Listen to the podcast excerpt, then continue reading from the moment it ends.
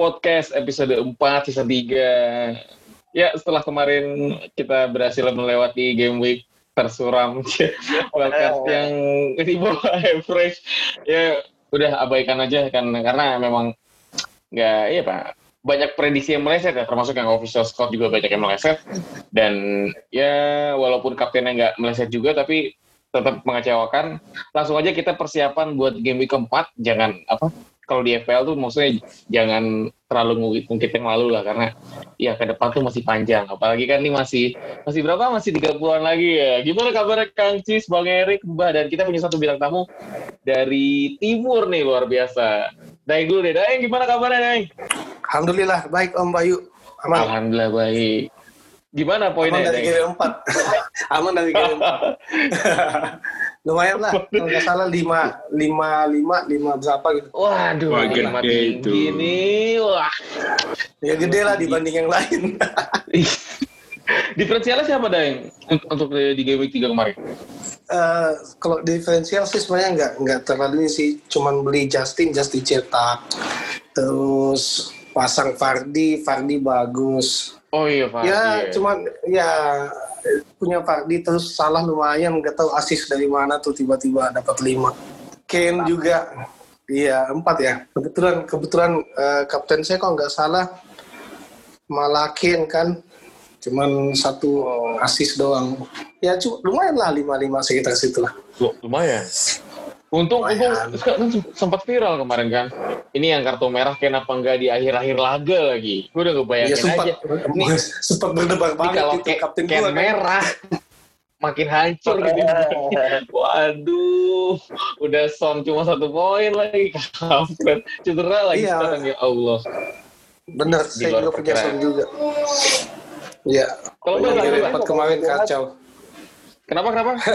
Om Bayu kalau mau curhat lanjutin loh. Itu enak ya. Nggak Bang, gimana bang? Gak apa-apa. Bang, ini Aman gua aman aman. aman bang ya? Mbah aman juga ya, poinnya tinggi nih mbah nih. Gimana? tipis lah. Kalau kaki gimana kang? Ya di atas 40 lah udah bersyukur. Ah bangsat lu pakai sebut merek lagi. Gue nanya gimana bukan berapa aja. Yap, eh, persiapan game di 4 ini dibagi tiga hari. Ada Sabtu, Minggu, dan Senin. Senin pun di Senin dini hari. Langsung aja nih, kemarin eh, banyak perdebatan. Ternyata dari tiga game week awal ini Warner kayak hilang ya.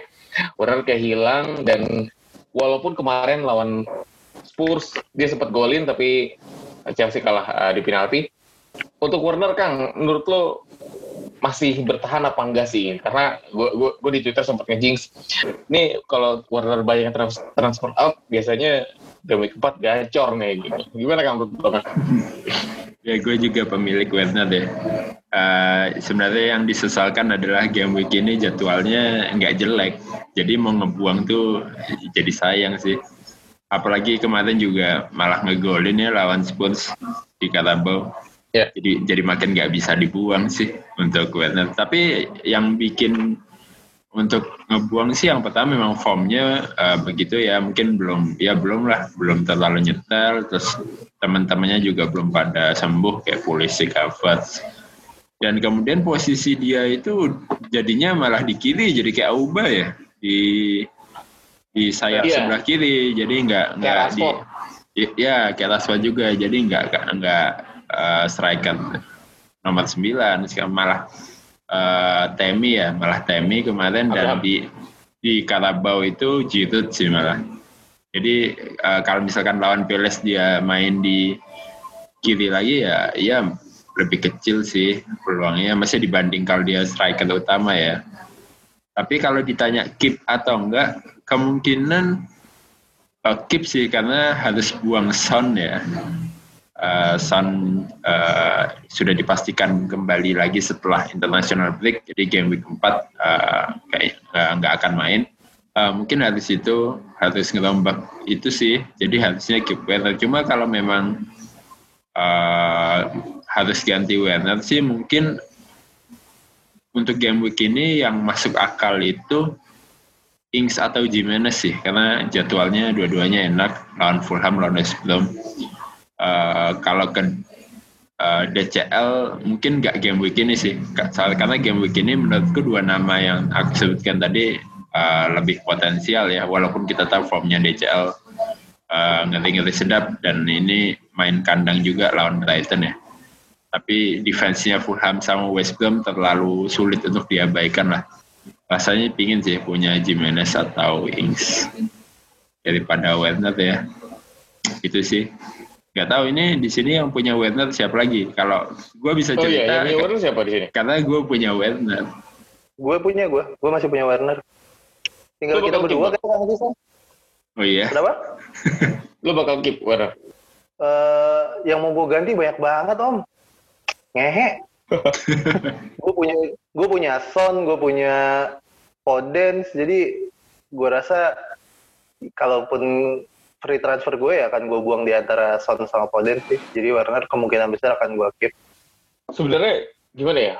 Chelsea ini belum belum semaksimal yang emang kita bayangin ya. Karena eh, Pulisic belum main, Ziyech juga belum main juga gitu. Even kemarin di di di event eh, lawan Spurs kemarin ya ya apa tetap nggak ada nggak ada kedua nama tersebut gitu malah si Hasan Odo yang main Mason Mount juga jadi jadi, jadi gelandang tengah gitu ya belum eh, gimana ya? Potensi si Warner ini belum terlalu terlihat tuh. tapi kemarin pas lihat golnya Warner itu memang ekspresinya tuh kayak lepas banget. Dia dia, dia, dia- ngerasa kayak wah ini akhirnya gue golin gitu. Dan ya yang ditunggu-tunggu sebenarnya di IPL ya bukan di event kemarin gitu. Menarik sih untuk Warner gitu. ada yang mau nambahin soal Warner Mbah atau Daeng mungkin? Kalau saya sih malah lebih ngomentarin ke Chelsea sih karena mau seklasi apa pun pemain kalau timnya lagi nggak nyetel juga susah ya. Eh, Chelsea contohnya hampir setengah dari tim intinya itu baru masuk di season ini.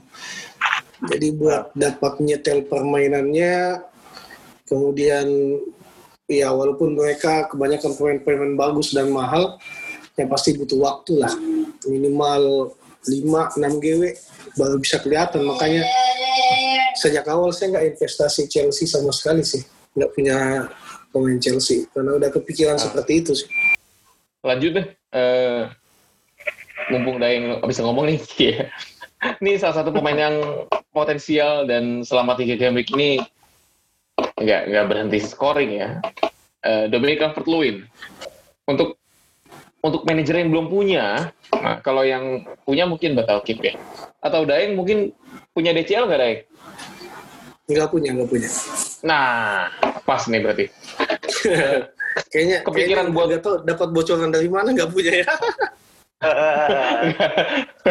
Ini berarti tim bisnis developmentnya Mister Gawang luar biasa. Bahaya benar-benar bahaya spy-nya nih Deng, eh, untuk Yes. game week berikutnya atau game week beberapa game week depan nih, eh, ini wajib angkut Dominic Dominic Calvert-Lewin gak sih? Karena memang ini dia salah satu yang paling hot dan harganya sebenarnya nggak terlalu mahal ya dibandingin striker-striker kayak eh, Charlison, eh, Ings, Jimenez gitu. Menurut, menurut lo gimana, Deng? Ah, sebelum gua jawab sih mesti gua lihat data dulu sih karena kan nggak punya nih jadi mesti ada data juga jadi sebenarnya plusnya si DCL ini kan yang paling menarik buat apalagi buat manajer-manajer yang baru main ngelihat cuman dari eye test doang atau dari highlight-highlight itu kan ya dia sekarang top skor dengan Fardi 5 gol kan Ya, itu itu poinnya udah 31 tiga pertandingan. Jadi yang menarik sih kalau lihat dari data itunya. Kemudian di ownership eh, TSB-nya itu 34 persenan lah sampai malam ini. Yang menarik di ICT Index-nya dia forward nomor satu rankingnya. Jadi trade-nya itu kreativitinya sama eh, pengaruhnya ke timnya dalam hal menyerang itu dia nomor satu. Harga cuma 7 7,4 m itu plusnya yang bikin orang tertarik ke situ. Tapi minusnya sebenarnya banyak data yang nggak kelihatan sih. Kayak misalnya goal conversion rate-nya itu hanya 41 persen. Dibanding Fardi yang 83 persen bro. Lacazette sama Ings itu 50 persen. Bahkan Bamford pun itu masih lebih tinggi sebenarnya dari DCL dari goal conversion rate-nya 42 hampir 43 persen. Jadi kalau dari rate antara dia shooting sampai gol itu dia ada di nomor 5 di daftar penyerang yang lagi hot 3 game terakhir. Shot akurasinya juga sebenarnya nggak terlalu bagus.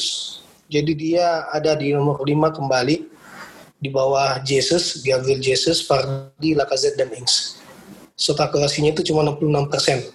Nah, dalam sentuhan di kotak penalti yang menggambarkan si midfield midfieldnya Everton ini nyampe nggak asisnya ke penyerangnya, itu dia juga kalah jauh dibanding Mitrovic, Martial, Lacazette, bahkan Werner, bahkan Werner dan Jimenez. Nah.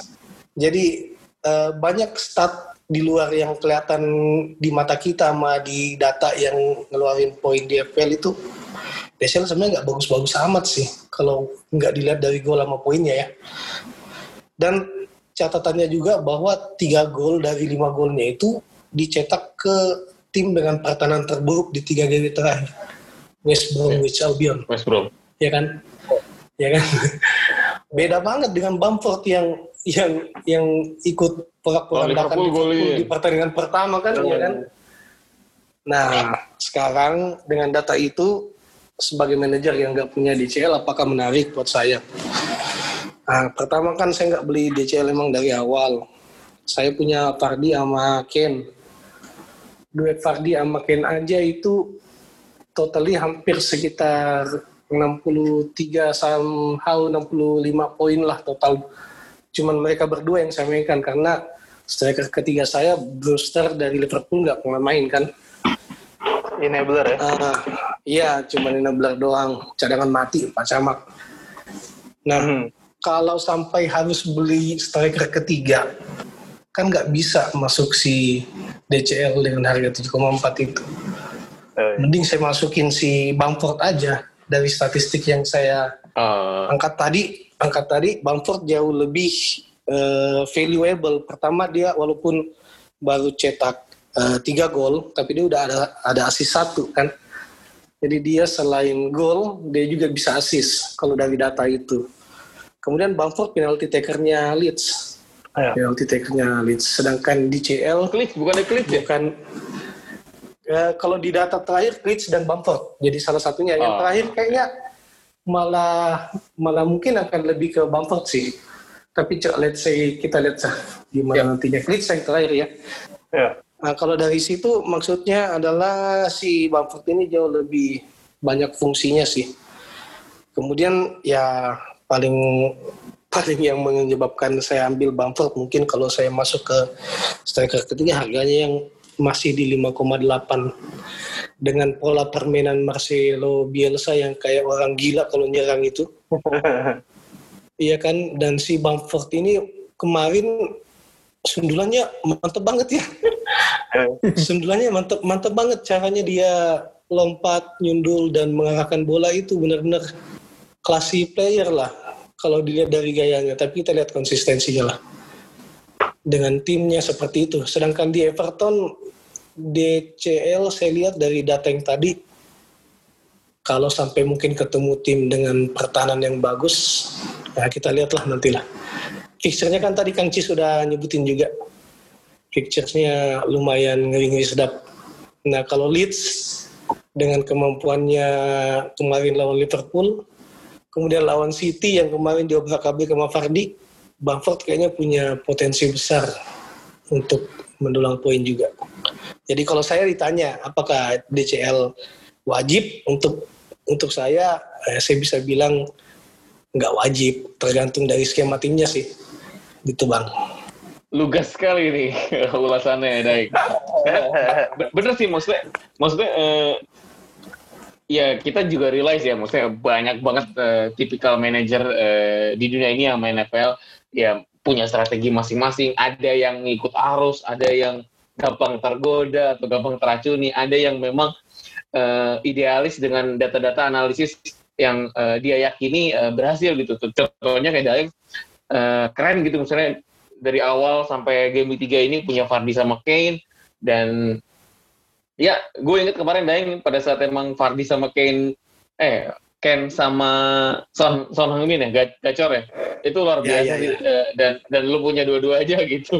Di saat orang lain sebenarnya nggak nggak nggak kepikiran buat ngedouble dua pemain itu gitu. Dan ya akhirnya pay off luar biasa sih. Dan buat yang belum punya nih, ini Kaki sama Bang Erik ya belum punya DCL ya. Ini lu bakal ngangkat Oh. sih? gue DCL ya mungkin day bisa aja ngangkut deh. Emang sebenarnya eh, poin yang penting dari Daeng tadi ya kita mungkin nunggu Everton ngelawan tim yang lebih kuat gitu ya, baru bisa Ya. sedikit lebih objektif lagi nilai DCL. Cuman eh, dari data-data yang disampaikan Daeng juga cukup ini ya, cukup apa? ya, Cukup enak untuk untuk ngebedah si DCL-nya juga. Walaupun kita rame-rame selalu bilang nih ini eh, insaginya Premier League nih ya. Ya, iya bener bang. Tapi Inzaghi itu memang kalau lihat dulu kayaknya gol yang datengin dia bang ya. Yo. Ah, kalau ini eye testnya kita di tiga pertandingan DCL kadang kalau saya lihat dari shoot shoot eh, eh, yang dilepasin sama shoot yang on target itu masih masih timpang. Ya, coba Timpang, aja cari datanya iya, cari datanya dia jadi shoot eh, akurasi shootnya juga masih nggak masuk tiga besar striker kok. Kalau saya lihat datanya Oh. tadi. Jadi emang iya emang dia kalau kita ngomong kayak dia insaginya Inzaghi ini kayaknya kan gol yang datangin dia. Jadi benar-benar luar biasa nih. Eh, Turunannya bagus, wow. tanjakannya juga bagus. Kalau dia kayaknya mesti mesti lihat. Biasa Dua, media kan game. Membesar-besarkan ya. Benar benar. Benar. Di FF Scott juga ngomong seperti itu Bang Erik ya. Saya juga baca juga Iya. tadi. Benar, hampir semua ngomong seperti itu dikaitin sama romantismenya Di- Ancelotti dengan AC Milan sih. Iya, benar. Yoi. Cuman emang kalau boleh nambahin, eh, sa- gue sampai tiga game week ini emang belum berencana ngangkut DCL sih. Kemarin gue ganti striker justru yang gue ambil Bamford karena nggak tahu kayaknya enak aja ngeliatnya kalau si Leeds main gitu ya, kayak nggak peduli lawan siapa semua dihajar gitu.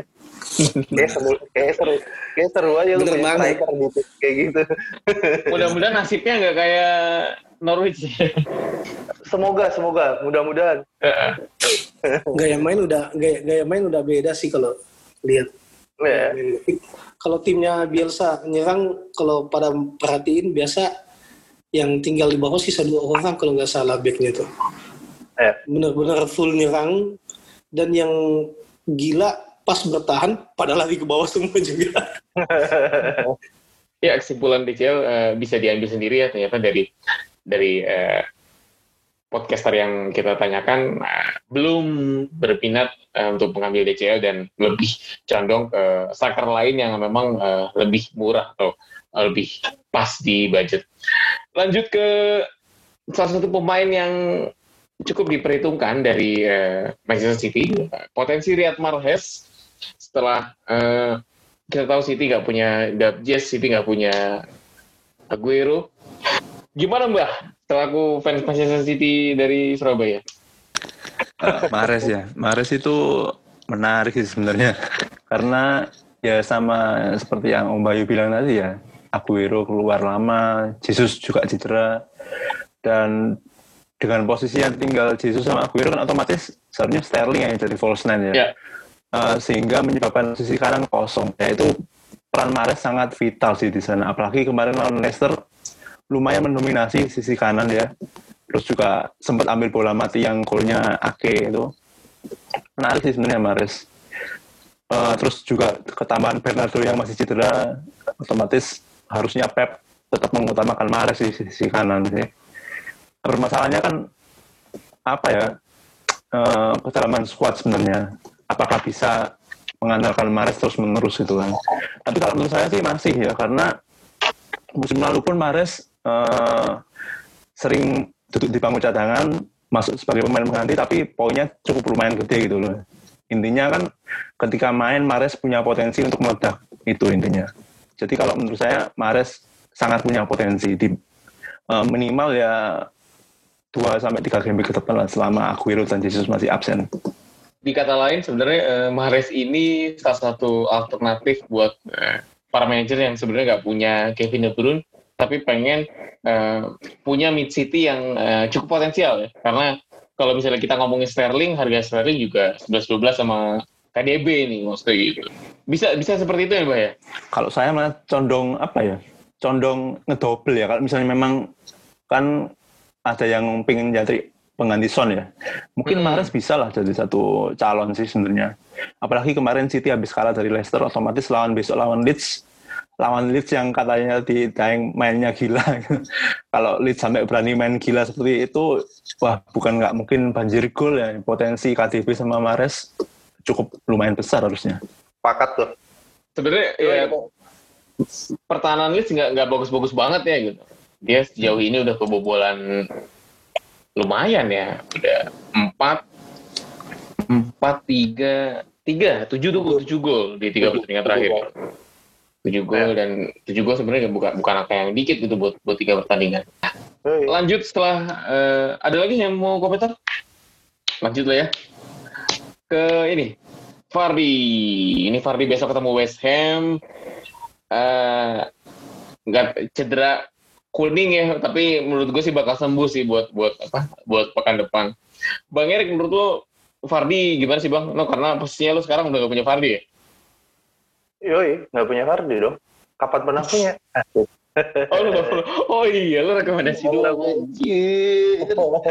gue bohong-bohongin orang aja. ya i- Kacau. Dengan dengan Mungkin- kembalinya Madison gimana Bang? Ah. Menurut lo, Bang?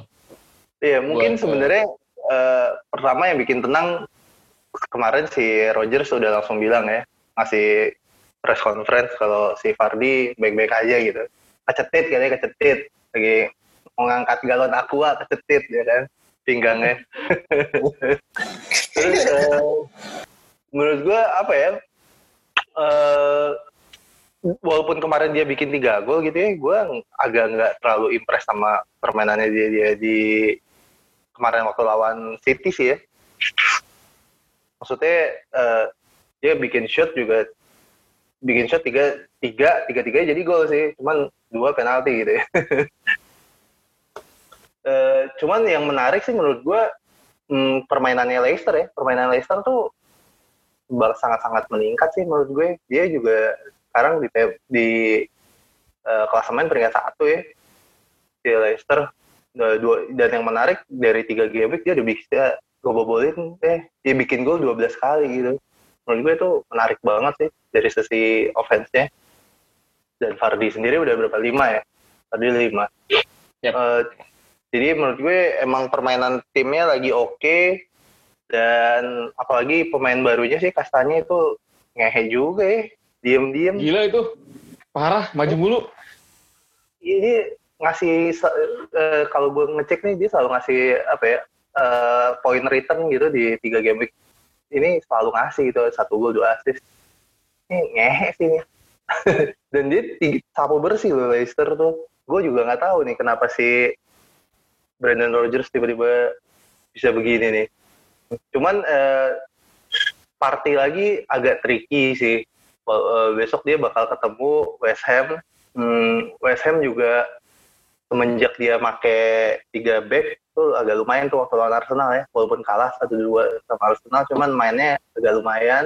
Dan kemarin secara mengejutkan sebenarnya bisa nggak menang 4-0 lawan Wolves dan apa yang pada tahan Bowen tuh pada pesta tuh ya Ya, cuman ya Yoi, cuman eh, nggak tahu juga sih. West Ham juga punya rekor away yang buruk musim lalu.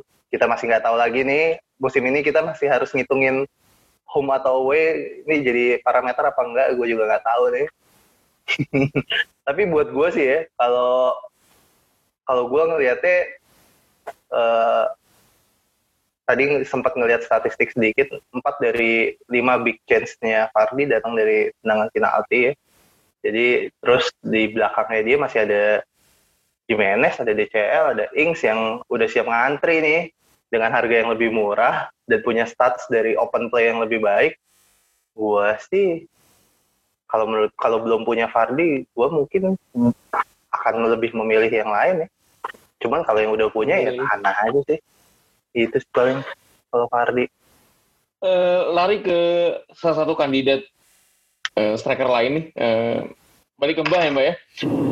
Mbah, eh, ini masih banyak perdebatan ternyata gitu. Walaupun sebenarnya Adams ini ya dari segi poin juga masih masih ketinggalan jauh sama Ings. Walaupun harganya juga lumayan lumayan gede gitu. Spare-nya sekitaran 2 jutaan.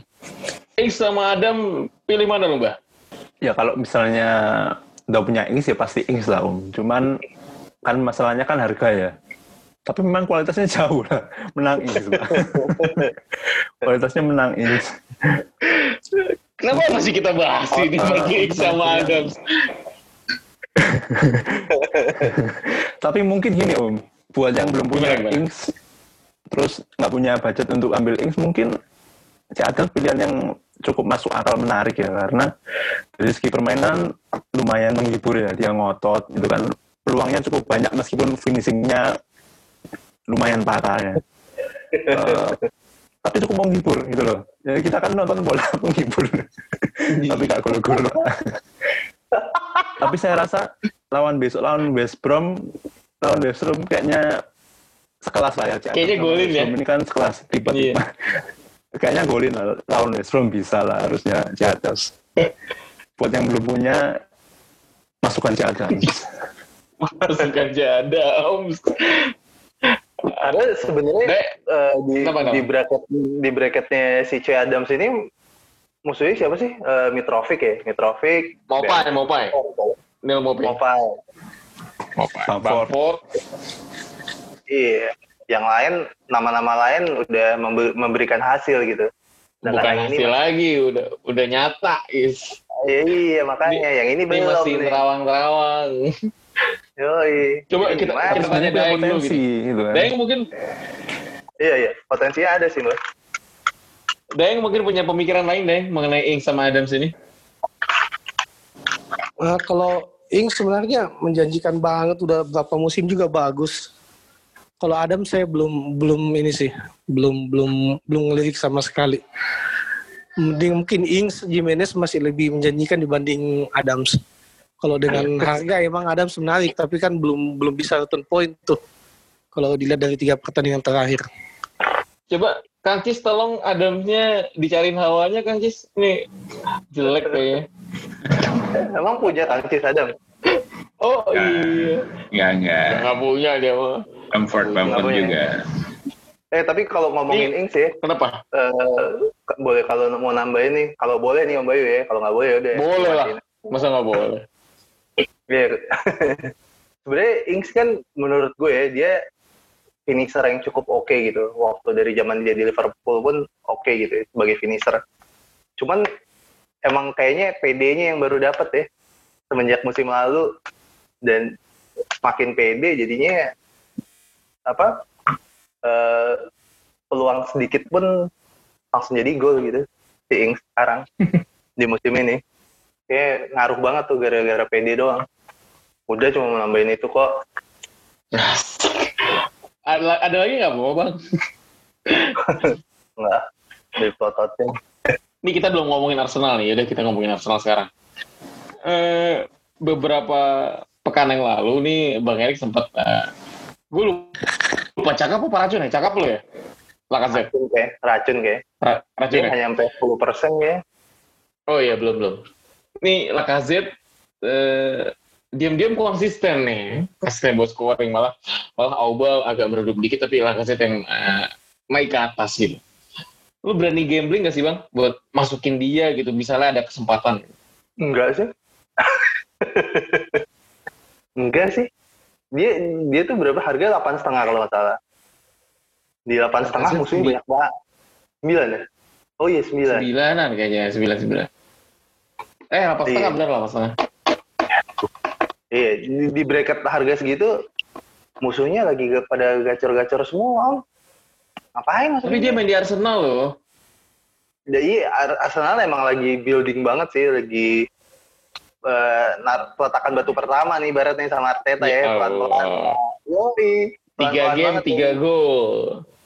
Iya, cuman gue belum sih. Kayaknya kalau disuruh milih gitu, lu masukin Laka, Jimenez atau Ings lu milih mana? Kayaknya akal sehat rame-rame akal milih Jimenez dan Ings daripada Laka. Cuman buat pembeda menarik banget dan yang makin gak enak adalah fixture sih menurut gue fixture ke depan empat ke depan tuh nggak enak ya dia ketemu Sheffield Yeah. di Hull, ketemu City, ketemu Leicester, ketemu MU tuh ada ay, males banget kan kayaknya. Ketemu Harry Maguire. Harusnya harusnya ketemu MU nggak males ya. ya Allah, bantai aja nggak perlu. gitu sih kalau menurut gue sih belum sih lah kaset dalam radar gue walaupun mungkin statistiknya atau permainannya dan kemarin juga golnya blunder Robo kan? Iya, benar. walaupun build up-nya dari dia juga tuh waktu mulai serangan balik dari dia juga. Ya gitu sih. Belum sih kayak kalau gue Jimenez atau Ings masih lebih seksi Sebenarnya dari dari kepemilikan yang cuma 5,4 persen tuh ya jadi kayak ya gimana ya? Ya kita semua kayak punya pemikiran yang sama gitu, belum kepikiran buat Lacazette gitu.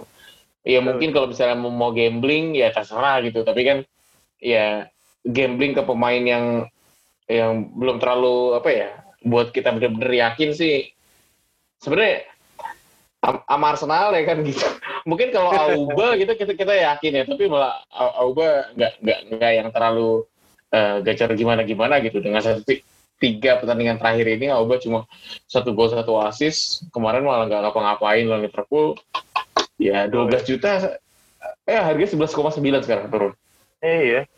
Cuman emang bener sih si Lacazette ini diem-diem konsisten menurut gue. Tiga satu satu satu ya Iya. lumayan sebenarnya kalau dipunya juga. Eh, lanjut kita ke Wolverhampton sekarang. Ini kemarin eh, banyak yang dikecewakan. Eh, ternyata Podence eh, beneran nggak main gitu, terutama yang buat early transfer. Dan mereka kalah kemarin. Wolves tuh kalah, kalah berapa sih lupa gua. Empat 4-0. kalah-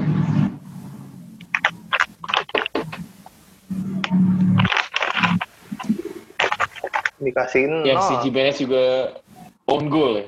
Iya. Ya, Halo, Kang. 4-0. Ya, 4-0. Iya, bener. Oke, oke.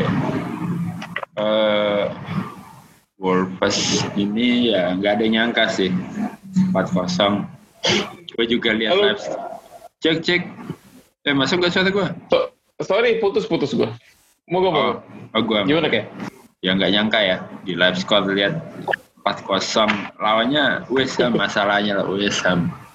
Dan kita tahu ya kita gadang-gadang defense-nya Wolves cukup kuat ada Boli dengan alasan itu. Tapi ya ternyata kebobolan 4. Jadi kemarin yang pakai triple Wolves ya, Says, Podence, Jimenez poinnya nol ya.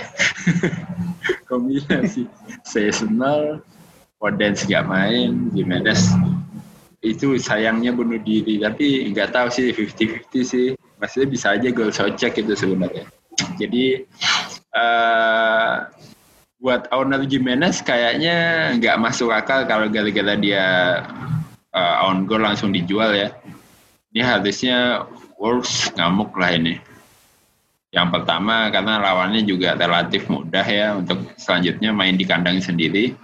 Lawan Fulham yang defense-nya ya ala kadarnya lah.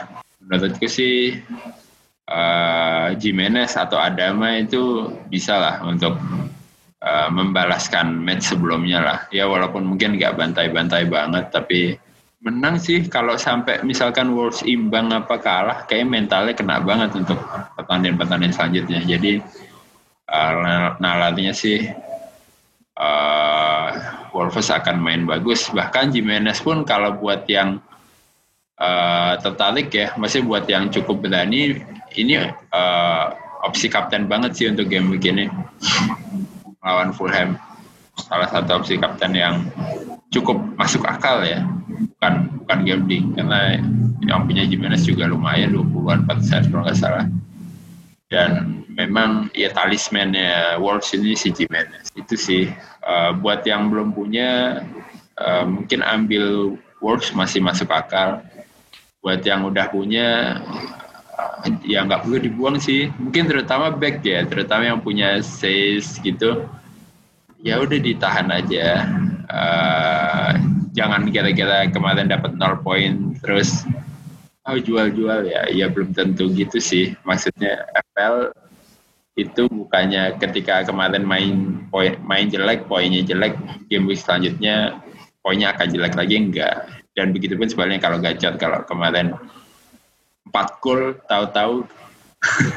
Cuma main satu babak ya DFL ya gitulah.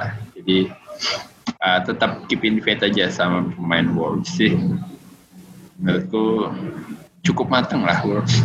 Untuk maksudnya udah bukan kualitas championship lagi sih udah kualitas Premier League untuk Wolves di beberapa musim ini.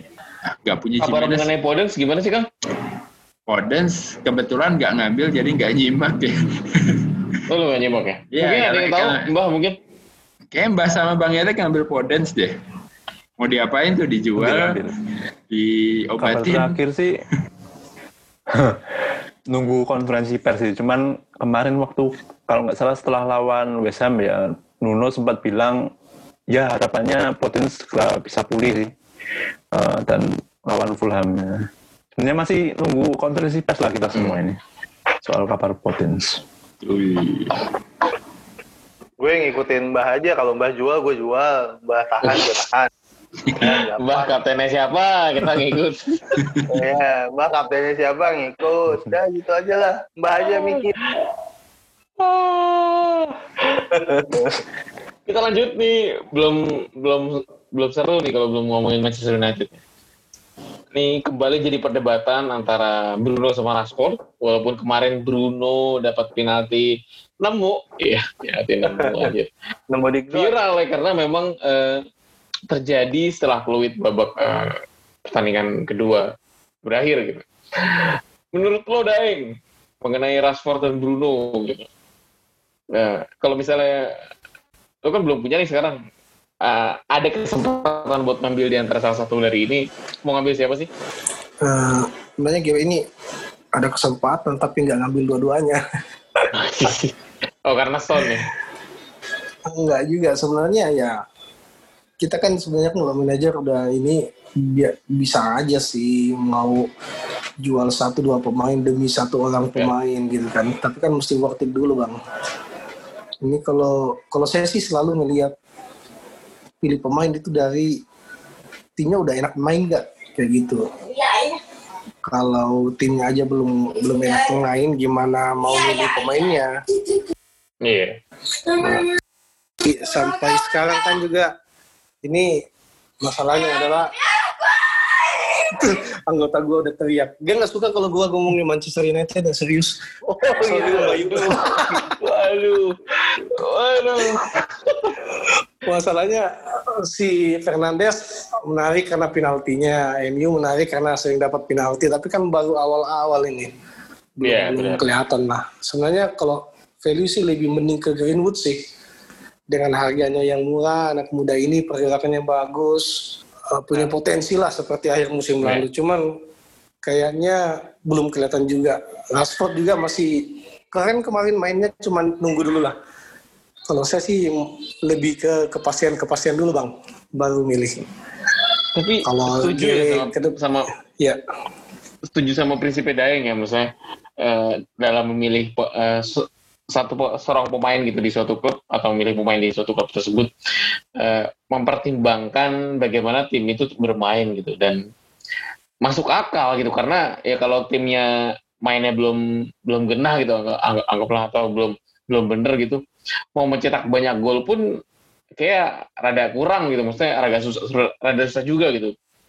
Kemarin kita lihat MU benar-benar kesusahan sampai ya golnya Rashford sebenarnya aksi individual Rashford murni sih gitu. Dan eh, Ya, gol ketiganya pun Sekali. pena- penalti dan ya ya bener sih masih nunggu gitu. Masih nggak asik lah kelihatan dan nggak menjanjikan dulu untuk berturut-turut seperti itu kan. Jadi wait and see dulu lah kalau MU kalau saya oke Eh, tinggal Spurs yang belum kita omongin siapa pengganti Son nih Bang Erik lu mungkin punya punya sesuatu yang bisa diambil buat pendengar kita Nggak ada sih sebenarnya. Kalau lagi dengerin matiin aja udah nggak ada gunanya.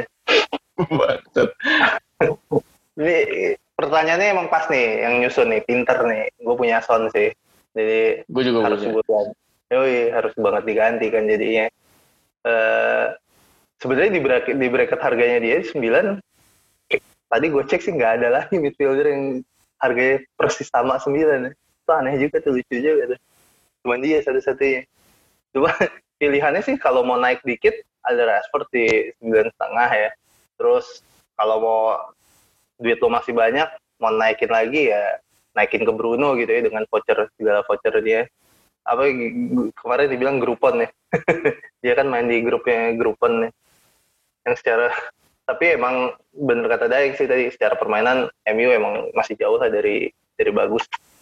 Jadi agak-agak males emang uh, punya punya tim di eh punya pemain di tim yang kayak gitu. Terus eh nah menurut gue eh, kalau mau ganti Son dalam dengan dengan apa ya dengan maksud lo mau nabung gitu ya. Ada dua sih pemain yang lagi gue incer nih sebenarnya. Ada Mahrez 8,4 lagi City lagi nggak punya striker sama sekali. Eh, kemungkinan besar game time-nya Mahrez harusnya sih ya harusnya aman. Dan kalaupun nggak aman tadi Mbak juga udah bilang gitu ya di musim lalu mungkin dia nggak main full time nih. Mungkin dia main dari babak kedua dari bangku cadangan gitu. Tapi selalu bawa poin gitu. Dan fixture ke depan tiga masih oke gitu ya. Ketemu Leeds ketemu Arsenal ketemu West Ham. Ya kayaknya sih masih bisa banget gitu buat City. Apalagi yang menarik emang waktu lawan Leeds sih. Apalagi kalau kalau si biasa tetap main dengan gaya begitu ya. Tanpa tendeng aling-aling tuh kayak seru banget tuh. Bisa tujuh sama kali itu pertandingannya. Dua-duanya bapuk kan backnya siapa yang nggak seneng kalau tujuh sama Eh, si- City kan baru beli Ruben Dias, tuh, lumayan loh, tuh back, back, backnya Portugal sama Benfica. belum latihan belum bisa ngobrol itu Iya sih. Untuk Bahkan belum di- sama saya udah beli KDB juga itu. iya Kenapa tadi?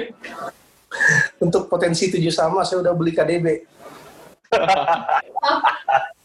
yo Buat buat jaga-jaga ya cover cover situ ya. Iya backnya nggak ada yang dipikirin gitu. Padahal City belanja back mulu berapa musim terakhir ya. Terus eh, terus dan secara eye test sebenarnya oke gitu. Dan satu lagi sebenarnya yang sangat yang udah dipunyain Kangcis nih eh, Harvey Barnes ya. Lu punya Kangcis ya? Oh enggak, like komen doang, biasa. Rekomen doang dia. Kena jinx lo.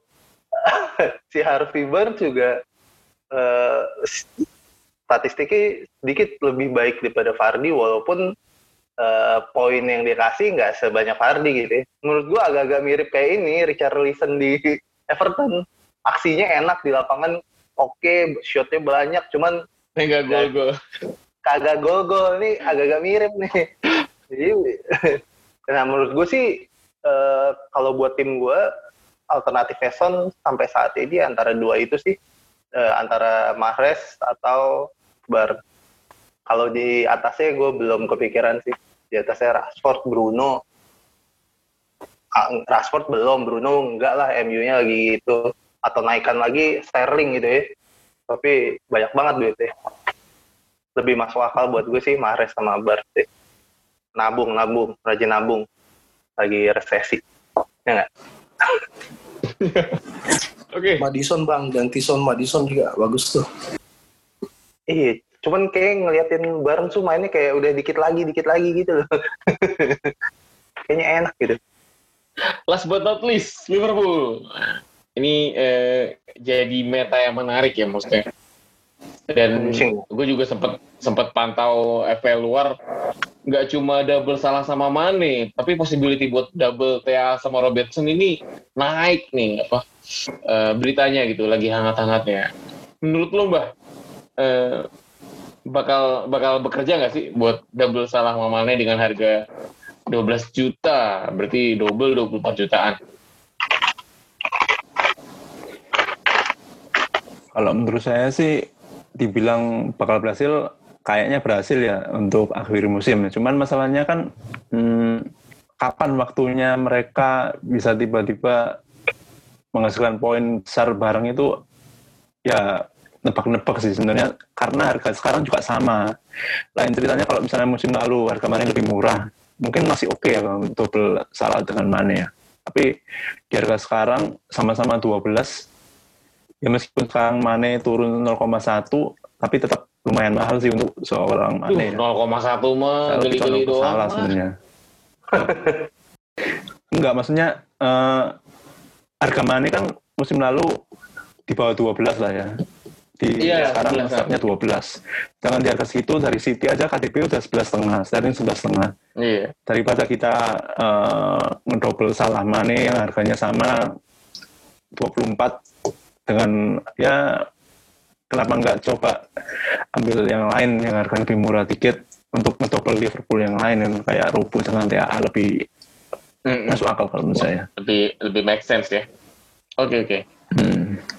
Ya meskipun secara nanti di akhir musim saya rasa pastilah di atas itu semuanya 200-an masuk akal lah harusnya antara Salah dan Mane. Tapi ini loh maksudnya eh gue sempat kepikiran gitu karena nih banyak eh, beredar ya nggak banyak sih maksudnya ada aja gitu. Orang yang main FPL poinnya satu dua satu dua satu dua gitu. Baik yang di depan atau yang di depan yang tengah atau yang di belakang gitu. Sebenarnya dengan kita double salah sama Mane ini mungkin bisa meminimalisir hal tersebut ya. Karena paling enggak tuh salah satunya tuh pasti ada yang pasti ada yang nongol gitu. Kecuali kalau misalnya mau bener-bener Liverpool eh, buntu gol kalah ataupun eh, sedikit gol ataupun golnya cuma dari Firmino baru mulai berasa hey, baru mulai berasa tapi itu jarang kan itu hitungannya gitu. Paling kayak gitu.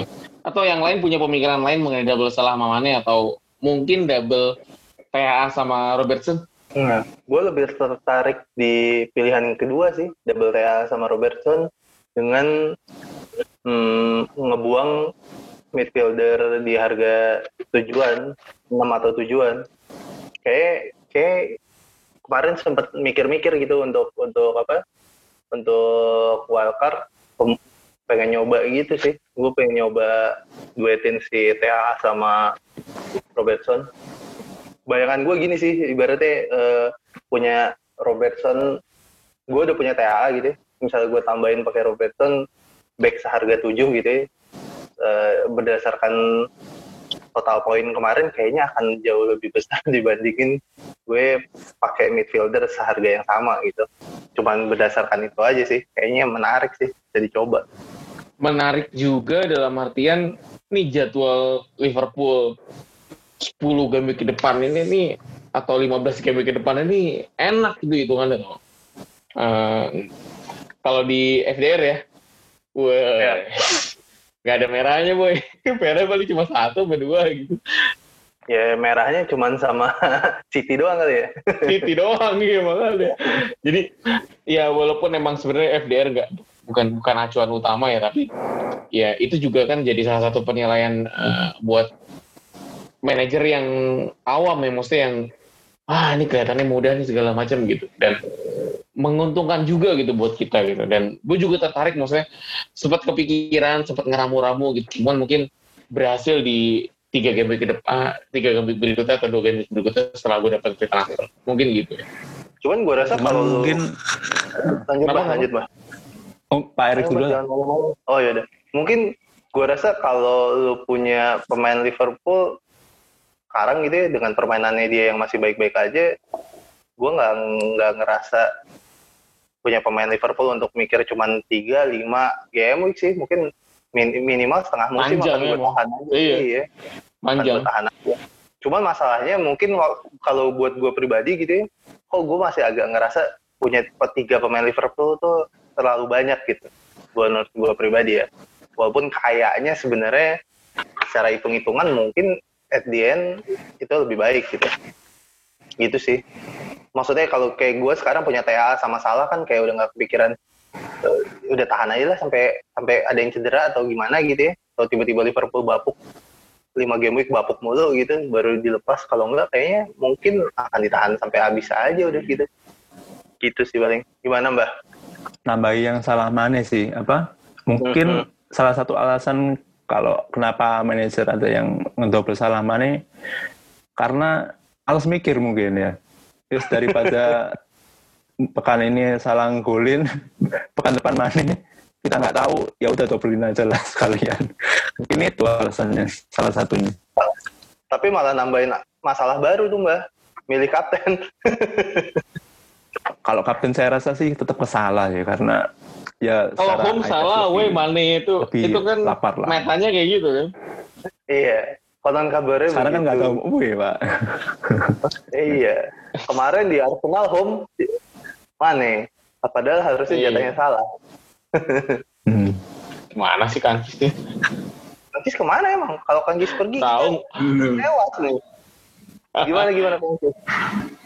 Kalau gue sih udah ya, udah double, udah triple malah, triple Liverpool dari awal.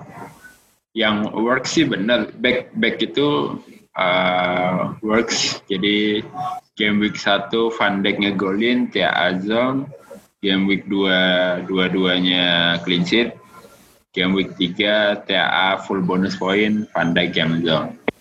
Jadi dengan nahan udah ditahan aja untuk untuk mereka berdua mah ya ya kayak salah dan mana sih nggak usah dipikirin lagi siapa yang Kar- karena walaupun nggak clean sheet kayaknya salah satu di antara mereka adalah yang berbuat sesuatu. Ya kalau dari sampel tiga game week ini ya Dijk game week satu ngegolin ya game week tiga full bonus point. Itu assist ya assist full bonus. Ya malah sebenarnya mau triple sama Robertson sayang slotnya sih. Bukan bukan bukan takut karena pasang triple defense ya cuman sayang slotnya jadi nggak bisa punya salah atau Mane kalau bisa mah hajar aja karena tiga tiganya sih ya mereka tiga back termahal di FPL eh, dengan suatu alasan sih. Karena mereka Terbukti ya, Bang. iya udah terbukti dua musim. Dua musim udah itu terbukti banget sih. Tapi untuk double salah mana ya benar. Males sih maksudnya itu buat yang males aja. Kalau gue sih ya udahlah salah aja lift sama salah lah ya. Misalnya mau kemarin mana ngegolin dua ngegolin satu. Tapi nanti ma- salah sekali ngegolin hat trick ya nggak masalah. Ya sabar-sabar aja punya salah. Karena di harga segitu ya banyaklah butuh pemain City juga. Kalau jat MU mainnya udah bener mungkin bisa ambil Fernandes. Atau mungkin invest ke depan ada Gen atau Fadi ya terlalu banyak lah kalau untuk gambling salah dan Mane itu sih. Tetap kalau pilih salah satu salah aja lah sampai akhir musim. Ya sesimpel ownershipnya lebih gede udah lebih safe daripada gambling. Gitu. Tuh, menarik sih itu. Iya Jadi lumayan berasa kan? ya. Jadi mikir kan, kayaknya kayak ngebayanginnya udah enak tuh ya, punya TAA, satu lagi. Ka- kayak ini kayak wildcard ya ngebayangin nih gue maunya begini begini. Yo ini, kalau masih punya nggak apa-apa ngebayangin deh.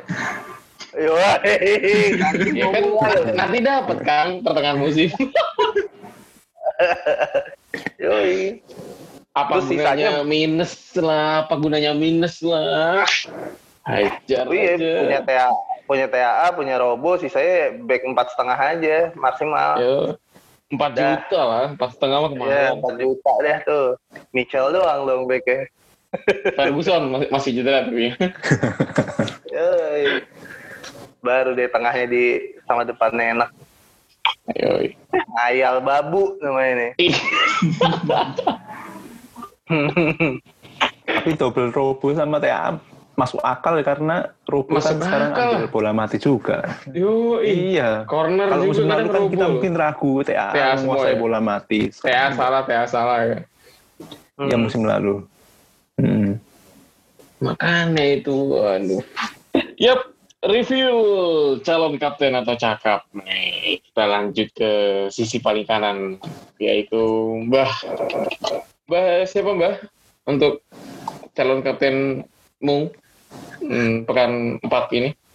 Kalau yang di tim belum tahu sih. Cuman untuk yang pekan ini saya rasa yang punya Jimenez kayaknya boleh lah Kapten Jimenez ya. Lawannya Fulham, pertahanannya parah ya, terutama di babak kedua. Terus Jimenez juga habis ngegolin kawan sendiri ya, masa nggak apa ya nggak membalaskan dosa lah, menebus dosa lah. ya harusnya bisa lah Jimenez lawan Fulham ini ya. Gue jadi jadi inget ini, jadi inget apa tweetnya Kofli Bandung aja. Mesti bensin dimulai dari Jimenez ya bang gitu. Iya. Nol, Jimenez poinnya nol bang. Aduh. Parah parah. Tapi menarik sih Mbak Jimenez gitu karena ya ya bener lawannya Fulham terus eh, mental ya kemarin drop banget gitu apalagi on goal dia kan juga pasti eh, banyak tuh yang mention dia atau di sosmednya dia ngata-ngatain soal FPL dia mau segala macam gitu. Dan itu juga jadi cambukan gitu. Cara psikologis Waduh. cambukan dia buat cambukan dia buat gacor gitu. karena ya ya itu FPL itu kan pokoknya poin lu dipuja gitu. tapi kalau nggak ada poin lu dicaci. Itu kayak Sterling waktu itu kan. Pernah kan? Sterling viral. Bang Erik siapa cakap lu bang untuk game week ke depan ini? Eh game week keempat ini Loh, siapa ya? Gue belum mikir loh ini. Eh, Mbak tadi siapa? Jim- Jimenez ya? Jimenez, Gue Jimenez. Mbak aja anti mainstream. Ya nggak, gue ngikut lah. Gue Richard Reason deh. Ya. Lu Charlison anti mainstream lo dikna lo. Oh, belum, masih belum ya? gue Richard Reason deh karena kayaknya dia Kenapa, butuh gol dari- karena dia kayak butuh gol dari open play ya, bukan dari penalti. Karena udah nyaris-nyaris mulu kan dia ngegolin dari open play tapi nggak Yo, jadi jadi. Gue rasa ini waktunya. Apalagi eh WA juga pertahanannya nggak bagus-bagus amat juga ya. Kebobolan tiga sama Chelsea, kebobolan tiga sama MU.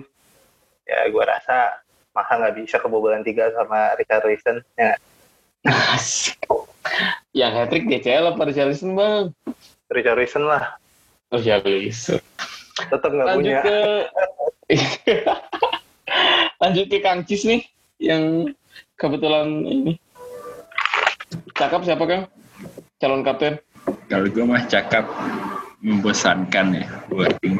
Iya ya yang pasti-pasti aja lah. Salah. iya iya lah Udah default itu cakap default. Kalau kalau gue lupa nyetel hashtagnya apa cakap- kan He- hashtagnya apa Apa? Wes kapten salah. yoi ya default itulah. Ya gi- gini Liverpool 3 match eh rekor kemenangan 100%. Nah, tapi jangan lupa di dalamnya ada Chelsea sama Arsenal.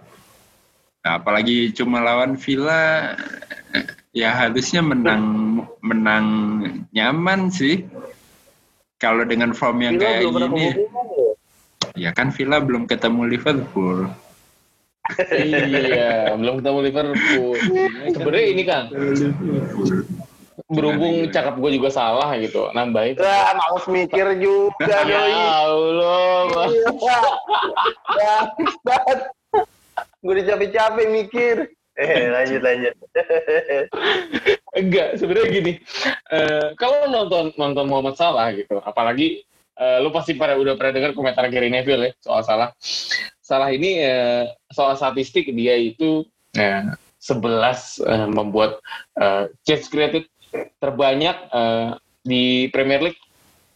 Dan ini rekor yang eh, bukan kaleng-kaleng gitu walaupun memang nggak semuanya jadi gol ya tapi kengototan dia ini penting buat kita yang main FPL karena ya kalau namanya orang ngotot kan pasti larinya pengen gol gitu even asis ya misalnya ya. Jadi menguntungkan sih gitu. Apalagi sekarang ketemunya lawannya yang eh, notabene eh, masih jauh lah levelnya sama Liverpool gitu dan ya menggiurkan gitu eh, untuk eh, always kapten salah gitu. dan ya kita lihat saja nanti gitu. Walaupun ini kesannya kayak susah apa kayak kayak males banget mikir tapi ya buktinya dia tetap tetap tetap menghasilkan returning point yang lumayan gitu coba kayak misalnya game week 3 kemarin salah blank hancur lah hancur lah.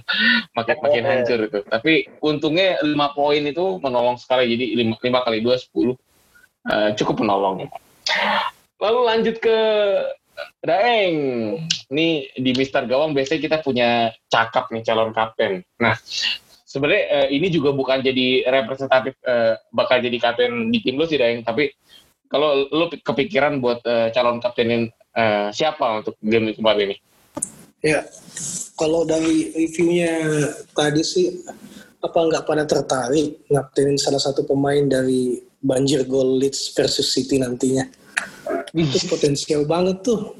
Enggak, kita sengaja ini sayang buat Dayang itu. iya. Udah diatur plotnya. Bener-bener lu. ya, ya nggak bisa, nggak bisa nutup mata atas potensi itu sih ngelihat Leeds mainnya seperti itu. Terus City lagi sakit hati habis dibantai sama Leicester itu. Wah, hancur sakit hati banget. tuh. makanya makanya pasti bakal jor-joran tuh si Gundul Pep Guardiola itu buktiin bahwa mereka masih jago dan jadi penantang klasemen nanti. Nah, pasti pasti akan banyak gol lah. Surprise kalau nggak banyak gol karena keduanya sama-sama nggak dalam tanda kutip nggak peduli pertahanan dengan cukup bagus sih. Dan keduanya tipikal Biel sama Pep ini sama-sama orang yang gila dengan idealisnya masing-masing, idealismenya masing-masing. Mereka nggak mau adaptif terhadap lawan. Mereka tetap mengusung idealismenya. Dan ini biasanya yang bikin mereka kalah dengan manajer yang adaptif. Kayak seperti itu. Bakal banyak gol lah. Kalau saya sih kebetulan udah beli KDB. Mungkin salah satu dari KDB atau eh, ya diferensialnya ya si Bamford itu. Bayangin aja tiba-tiba Leeds menang 3-1. Bang. Bamford Bamford cetak dua ah, luar biasa itu kan. Ya bisa saja. Udah kelihatan waktu lawan Liverpool juga. Yang jelas eh, kapten saya mungkin dari dari pertandingan itu plus lanjutinnya Kang Pardi Parti. Waduh. kemarin kan udah diumumin Kang Erik tadi udah ngomong juga Fardi nggak apa-apa. Sehat walafiat udah bisa main. Fardi walaupun statistiknya tidak cakep-cakep banget lewat eye testnya tapi yang seperti yang saya ngomongin di awal sebenarnya conversion rate-nya paling tinggi dia. Benar-benar eh, benar-benar ya udah berapa musim masuk langganan tiga besar top score kan di Liga Inggris itu udah jaminan. Saya pikir dia masuk penantang penantang top score juga nantinya. Jadi antara KDB atau Fardi. Tapi kalau mau yang gila Ken. Kenapa bisa gila Ken? Lawannya MU siapa? Oh iya. Lawannya MU Lawannya Manchester Mang United kan? Mang Ujang. Mau aja. biasanya timnya Mourinho kalau lawan tim yang pernah dipegang tuh biasanya dia Mourinho mainnya gila. Caranya nyetel timnya itu benar-benar buat ngalahin mantan anak asuhnya. Nggak surprise kalau misalnya nanti Kane bakal dress. Itu mungkin karena saya punya ketiga-tiganya deh. Jadi nggak apa-apa. Tapi lihat aja, lihat aja. Saya juga punya salah kok, Kang Cis. Punya salah, tapi eh, dengan dia kemarin hat trick lawan Leeds, Leeds kan jelek pertahanannya tuh. Belum belum apa ya? Saya belum dapat feelnya salah walaupun punya dari awal, tapi keperluannya hanya buat naikin TV doang. Jadi salah pemain-pemain yang mahal salah, Auba segala macam buat naikin TV doang sih, buat nabung. Kalau buat kapten masih takut apalagi kalau away. Itu aja sih kaptennya bang. Berarti lebih condong ke paling paling besar tuh KDB ya berarti ya? Yang, yang Ya KDB atau Fardi ya salah satu itu mungkin mungkin dari City lah pastinya. Iya. Oke. Thank you Daeng. Eh, dengan review cakap ini berarti berakhirnya episode podcast Mister Gawang episode keempat ini. Terima kasih banyak untuk Mbak, Bang Erik, Kang Cis, lalu Daeng yang udah ini di sana jam satu kurang ya berarti luar biasa. Mohon maaf pengganggu Daeng. Kurang 10 menit jam 1. Yoi, jam satu kurang. luar biasa. Thank you udah diundang. Om Thank you, thank you udah mampir juga ini Kang luar biasa gitu. Mbah, thank you semuanya. Thank you, thank you. Thank you, Sama-sama. Yap, eh, buat yang mendengarkan jangan lupa ketik dan saran langsung ke Twitter kita at Mr. Gawang Pot, langsung aja mention. Eh, apabila misalnya ada hal yang eh, kurang jelas, eh, langsung tanyakan juga ke kita, langsung mention ke kita semua atau mention ke Daeng juga bisa karena ada ada di episode ini. Jangan lupa ketik dan saran. Eh udah ya. ya udah. Sampai jumpa di episode berikutnya. Eh, oh ya, ini ya kepotong sama jeda internasional ya. Oh ya, berarti bakal ada dua minggu lagi kita nanti. Yes. Sampai jumpa semuanya. Thank you, thank you.